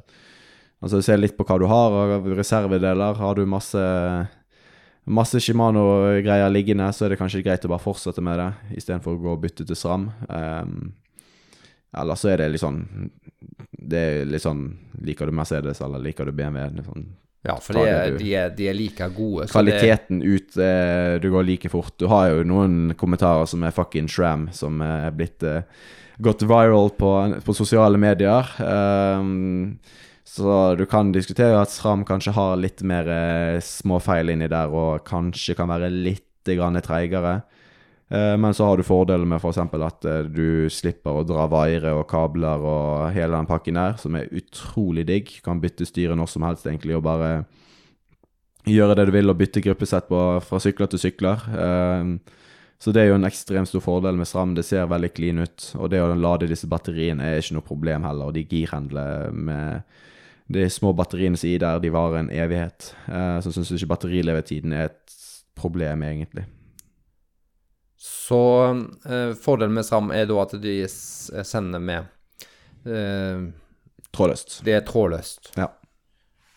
og så en Eh, så en annen forskjell er da at du girer forskjellig, men det er vel noe som du kommer veldig fort inn i? Ja, du blir veldig fort vant til det. Annen måte å gire på. Det samme med Campagnolo har jo en annen måte å gire på.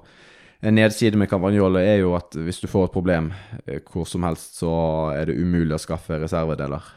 Altså kanskje bare bytte giret, bakgir etter en velter. Da må du sikkert vente eller ha ting liggende som reserveutstyr. Jeg hadde noen sesonger tidligere der jeg kjørte på kamper, og det var jo det var jo et mareritt. Du måtte jo ha med deg et eh, helt reservegruppesett på tur, for tilfelle det skjedde noe. Så uten å avgjøre hva folk skal kjøpe, så er det kanskje den der vektingen at har du allerede begynt med f.eks. Shimano, så kan det være greit å fortsette, fordi da har du kanskje den, det drevet på, på taksten på, på ei rulle, eller du har noen reservedeler liggende. At det kan være, det kan være en grei vurdering. Og du, starter du helt på nytt og eventuelt skal kjøpe en sykkel eller to, så så bare velger du. Det er samme hva. Ja. ja. Det gjorde du ikke dette lettere for meg, Mikael. Jeg ville jo hatt et eh, mye klarere svar enn dette. Ah, jeg kan ikke gi det så mye bedre. Altså, skal du diskutere temposykkel, vi kan jo ta en liten sånn uh, diskusjon på det. Da er jo kanskje spørsmålet større nå, forhold til at SRAM vil jo ha deg over på endelt foran og så tolvdelt bak. Jeg uh, har vært borti det endelt-systemet i for flere år siden, og SRAM prøvde å dytte landeveissyklister over på det, og det gikk jo så absolutt ikke. Um, så um, det one by-greiene, det skal være veldig sånn uh, spesifikke løyper før det vil lønne seg, egentlig. Og så kjøpe en temposykkel med det, og det SRAM-systemet, det tror jeg ikke at jeg ville gjort. Altså For eksempel en løype som Daytona, da, der Gustav kjørte, så diskuterte vi prøvde å sjekke om vi kunne få tak i one by, og det ville jo lønnet seg der, sant. Eh, men du skal jo egentlig bare ligge på ett eller to gir i stort sett hele løypen. Skal du kjøre Arben Haugesund, så eh, på, one, på endelt så eh, tenker jeg det blir veldig stor spredning mellom girene. Allan Hovde har jo snakket Han liker, liker jo one by på, på Norseman og syns at det funket helt fint i forhold til det akkurat det girutsettet han hadde. Men det blir jo stor spredning mellom hvert gir, da. Altså har du småkupert terreng eller medvind og motvind oppå Hardangervidda, så må du ligge og kanskje leite på noen gir som du kanskje ikke synes optimalt. da. Uh, så jeg liker å finne Jeg liker å ha den muligheten til å ha flere gir. Så Nå har vi sett om masse vanskelige vurderinger, og spesielt når du skal bygge eller kjøpe en sykkel, som der du da kanskje har lyst til at det, flest mulig av de ønskene du har bestemt deg for, skal stå på, sånn at du skal slippe å eh, bytte ut eh, etterpå. En ting som er lett å bytte, men som er masse valg og vurderinger på. Og dette her vet jeg eh, du kan være veldig interessert i, Mikael, og det er jo da hjul og hjulsett. Der er det jo en haug med vurderinger å, å gjøre. Og hvis vi starter med vekt, viktighet av vekt, eh, og så kan vi òg gå på Skal vi vurdere eller snakke litt om hva slags type eh, så, så dype hjulsett skal en ha på karbonen. Eh, vinkel vet jeg at du mener noe om. Og når jeg da skal velge, og, og hjulsettene i dag som, eh, som følger sykler som er litt dyre, det er jo, det er jo isolert et veldig dyre hjulsett. De koster kanskje fra 12 000 og oppover til 30 000, det som står på. Så det er jo ikke bare til å eh, finne ut at en vil jeg vil ha 60 dybdemillimeter istedenfor 45, og så går en og kjøper et nytt sett. Det, det kan en jo ikke gjøre.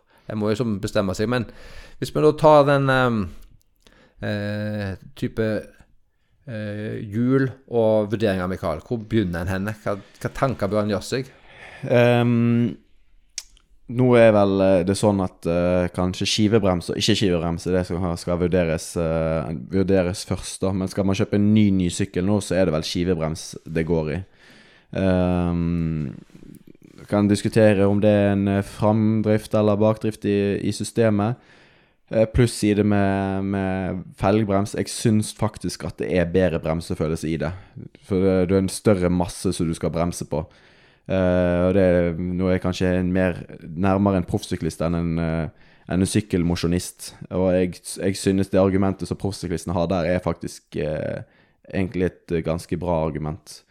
men, men alt skal over på skivebrems nå, og det funker bra i all slags vær. Det er mindre slitasje på systemet, det er enklere å, å vaske. så du vil ha en bredere felg. Uh, du vil ha tubeless ready hjulsett, hvis man kan velge mellom det. Det vil si at du slipper å sette i felgbånd, eller uh, uh, gjøre om felgen i forhold til om du vil ha tubeless i det eller ikke. Um, så det er en del hjul som er nå allerede. Når det gjelder bredere felg, så er det mye mer Ofte mye mer aerodynamisk, men det er mye mer stabilt i vind. Jeg hadde en episode her i sommer. Jeg tok igjen en syklist, og jeg kjørte på raceren min i, her i Haugesund, og det er jo stort sett alltid storm, og det er ikke tull engang. Eh, og jeg eh, lå med håndle, hendene på styret, eh, som jeg sitter i, på en måte, i temposposisjon, helt fint. Han temposyklisten foran meg har kjøpt eh, ny sykkel, ser det ut som, og han sitter jo ikke nede i bøyle i det hele tatt. Jeg er kanskje 400-500 meter bak han og tar han ganske raskt igjen. Så ligger jeg bak han en stund, og så til slutt så uh, klarer jeg ikke Klarer ikke å ligge der mer, og så bare sånn Ja, hva er, det, hva er dette for et opplegg, da? Og så forteller, forteller han dette med hjul, da, så han har kjøpt noen uh, Han hadde egentlig tenkt å kjøpe 50 mm, men uh, det var utsolgt, så han endte opp med 80 mm. Uh, og han er jo da mindre aerodynamisk på denne sykkelen fordi han ikke klarer å ligge nede i tempobøyene sine. Altså Eh, så, så, så, det hvor liten og lett du er, hvor, hvor, sikker du er på sykkelen, har en ganske mye å si i uh, forhold til hvor dype felger du skal ha.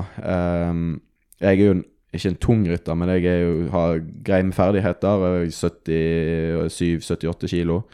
Så jeg er OK tung i forhold til det med sidevind, f.eks. Um, men en U-felg, altså en felg som er formet som en U utvendig, tåler veden mye bedre enn en V-felg. Så han her fyren hadde da en V-felg, og så var det vel rundt 80 millimeter. Og det er jo selvmordsforsøk i sidevind. Um, så skal du ha en V-felg som du nesten ikke får tak i lenger, så må du ned i 30-40 millimeter. Skal du ha U-felg, så kan du gå opp i nesten 60-70 millimeter uten at du nesten merker vinden.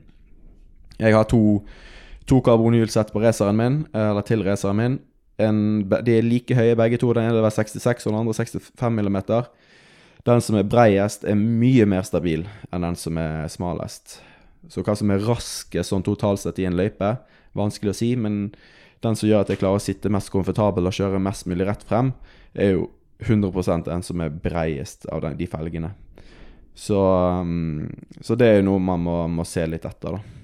Så det som var poenget med han, det eksempelet du nevnte der, da, det er at det, den tanken han hadde å kanskje få bedre aerodynamikk med å ha dype felger, det tapte han mange ganger med at han måtte sitte nesten helt oppreist fordi ja. han var redd i vinden fordi at det ble så mye kast. Mm. Ja. Så det å gå på heller litt sma, uh, lavere felger, sånn det ville være lettere, f.eks. Vi har jo diskutert aerosykkel versus klatresykkel.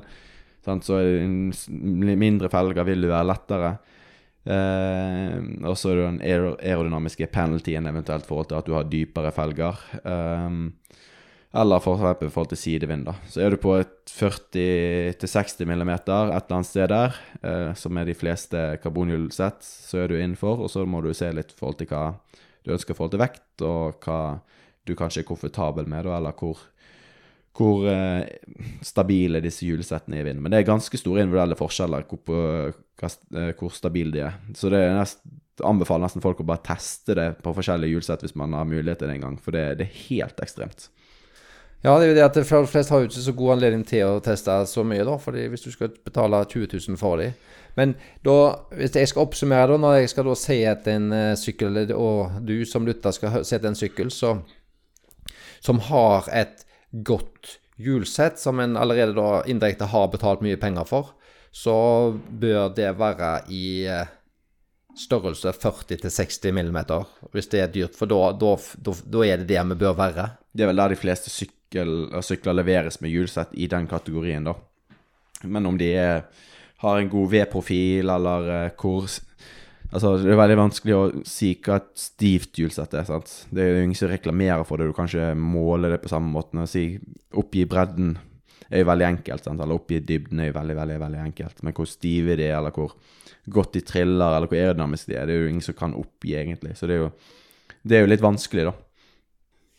Ja, så da er det egentlig da er vi tilbake til det er ikke et enkelt valg, det er bare til å ta en gambling og, og, satse på at det er et ok hjulsett det, det, du har, og at du kan leve med det. Ja, tilbake til de to hjulsettene som jeg, eh, jeg har, da det er Knott-hjulsettet som kommer med Kennedale, og så har jeg et hjulsett eh, fra Gustav, sånn Cadex-hjulsett. Begge de to er jo ganske dyre hjul. da. Det Cadex-hjulet er jo mye lettere.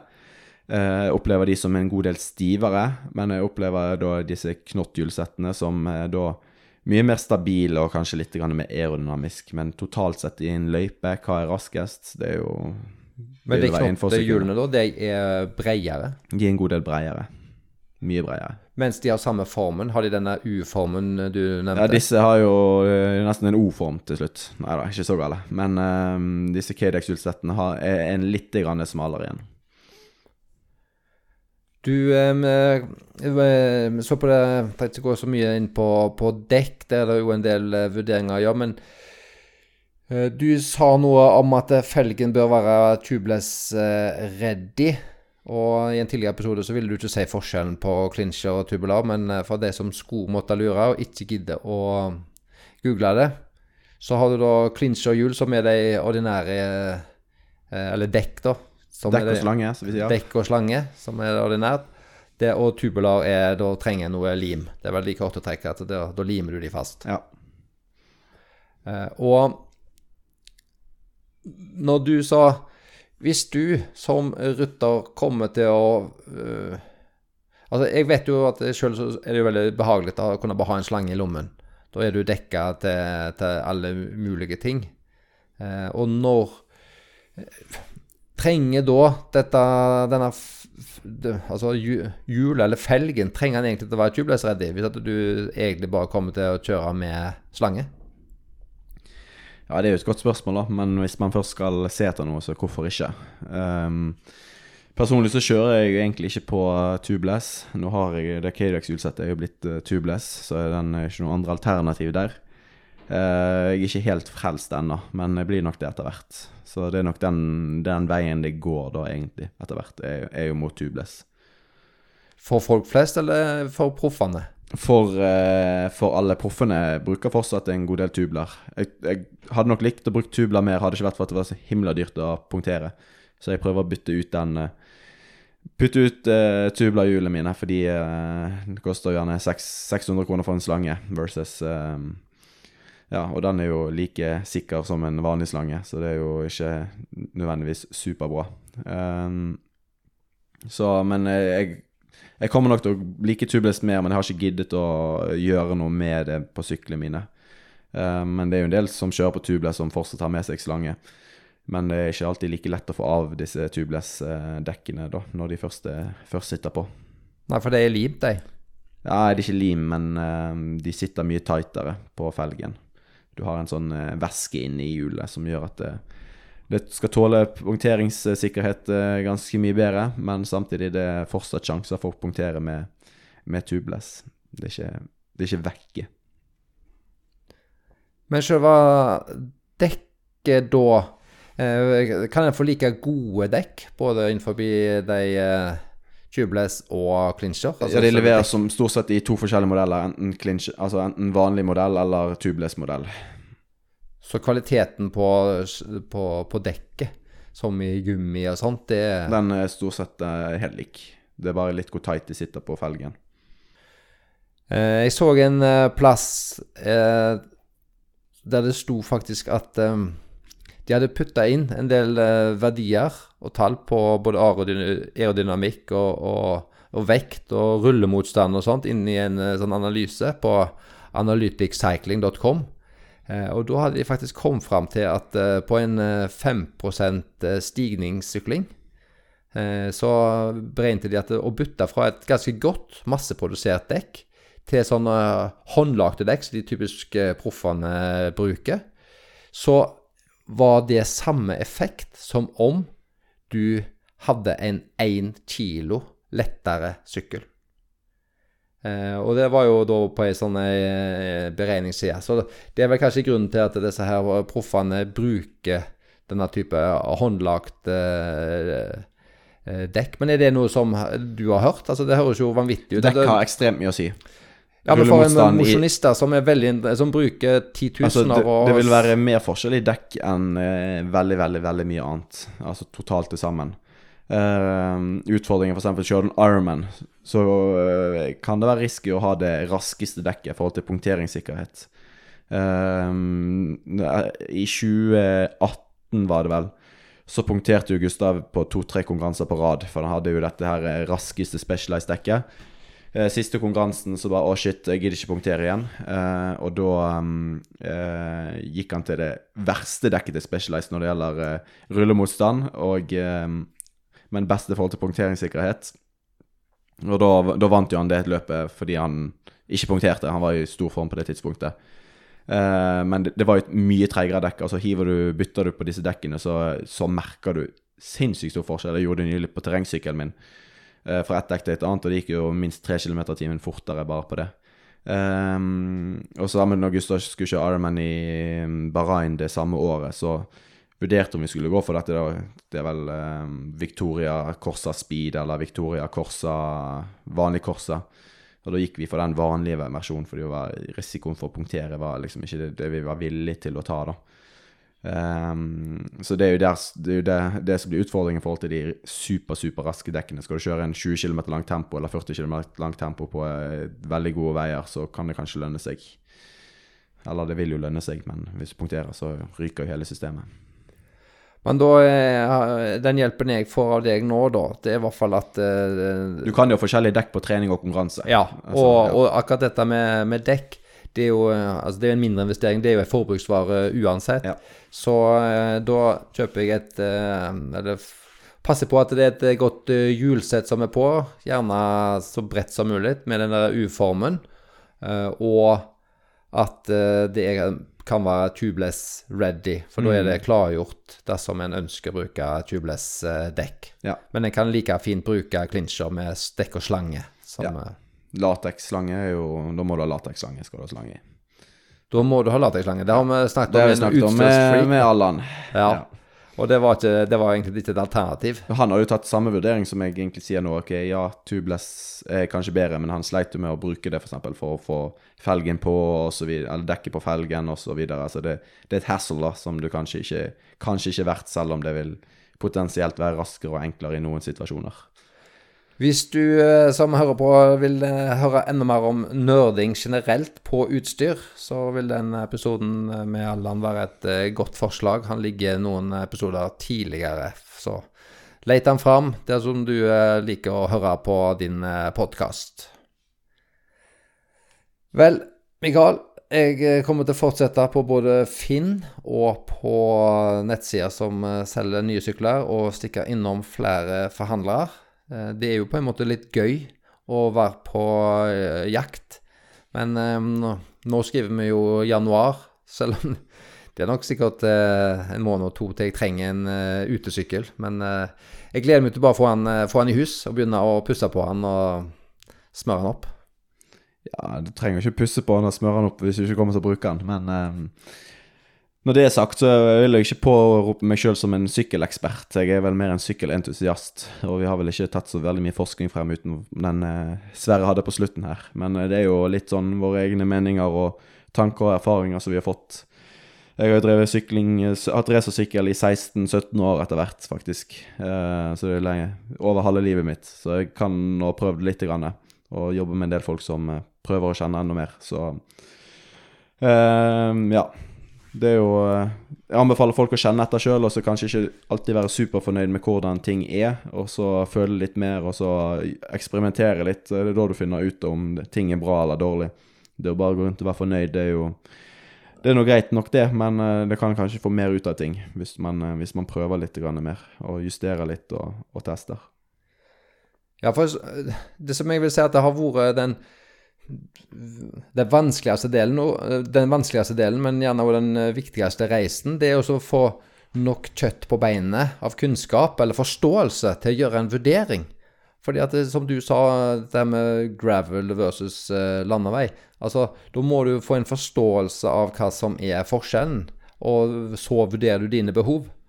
Eh, og, og det blir jo som eh, du skal kjøpe noe eh, annet, om det er utstyr eller om du skal ha en elektriker i huset ditt, så, så må du i hvert fall bli tilbudt og, eller forklart hva muligheter der er. Så må, må du vekte og veie, da. Er det verdt 5000 kroner for å få denne funksjonen på det elektriske anlegget ditt, eller trenger du det ikke?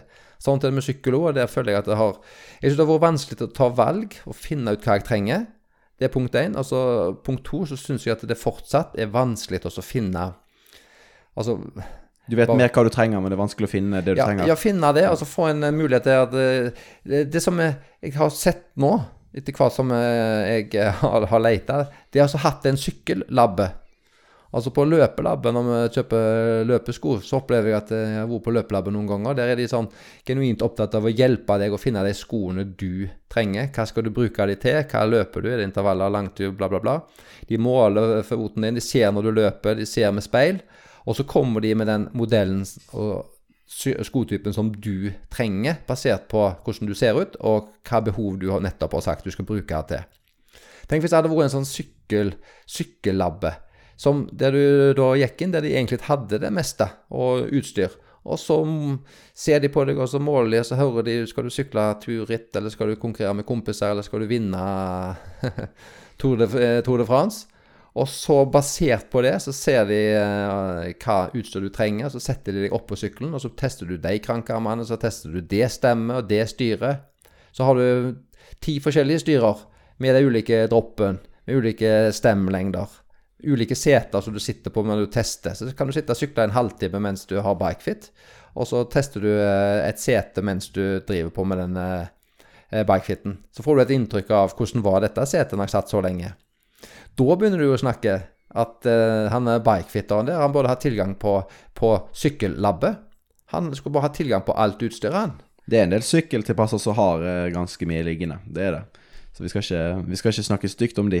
Nei, men Så- snarere tvert imot. Det burde vært, det burde jo vært en eh, bikefitter knytta til en sånn en plass som hadde alt utstyr. Bortimot. Sånn at jeg, jeg skjønner jo at det er sikkert det er vanskelig å få butikk ut av det konseptet, men eh, Du får ikke mye solgt i forhold til hvor mye tid du bruker på det, i hvert fall. Nei, du måtte jo betale for det. Mm. Men eh, det, jeg oppfordrer alle som eh, driver med eh, interessert i om de er bikefitter eller driver med sykkel. Hvis du bor i en sentral plass på Østlandet der du har tilgang til et godt kundenettverk, åpner en sykkel, sykkellabbe, så vil det komme folk, i hvert fall fra Vestlandet, kjøre til ned og så finne akkurat den sykkelen, modellen og utstyret som eh, passer meg, og så skal jeg heller betale 2000 ekstra for å få, eller 3000 for å få den bikefitten. For da sitter utstyret akkurat det du trenger, sånn som du vil ha det. Og så sykler Sverre i to uker, og så sitter han annerledes, og må er tilbake igjen. Er god, god butikk. Ja, nei, du skal sitte akkurat sånn som han eh, bikefitteren sier jeg skal sitte. Eller sånn som du sier jeg skal sitte, Mikael. Ja. Vi har fått snakket en eh, god del om sykkel. Jeg eh, fortsetter som sagt eh, jakten, og jeg håper og tror at han eh, snart eh, kan komme i hus. En eh, løsning, eller i hvert fall en bestilling. Eh, den eh, sykkelen som eh, ble tidligst levering i juli 2021, den har allerede tapt, selv om jeg egentlig har, hadde veldig den. lyst på den. Ja. Men eh, jeg har ikke til, til juli 2021 i valget, så da får vi velge ut ifra andre preferanser. Sverre har vel sånn halvveis egentlig bestemt seg, men det tør vi ikke røpe nå. Uh, og jeg sender nye modeller til han uh, en gang i uken, og han bare 'Å nei, shit, kanskje jeg skal ta den istedenfor'. Så det er jo ekstremt mange sykler, sykler med, som er relativt like innenfor det som han, eh, han har lyst på. Men det er jo bare å velge den ene. Det er bare å velge. Og det gleder jeg meg til å gjøre. Ja. Så. Kjempefint, eh, Mikael. Da eh, slutter vi med sykkelprat for eh, denne gangen. Og så ser vi om vi i en senere gang kan fortelle noe om hva en endte på, og hvorfor en endte på akkurat den. Yes. Og innen den tid så er det Swift og takst som gjelder. Ja. Da trenger ikke sykkel være aerodynamisk. Nei, for her ute er det masse snø nå, så da var det bedre å sette seg på Swiften. Ha det bra. Ha det godt.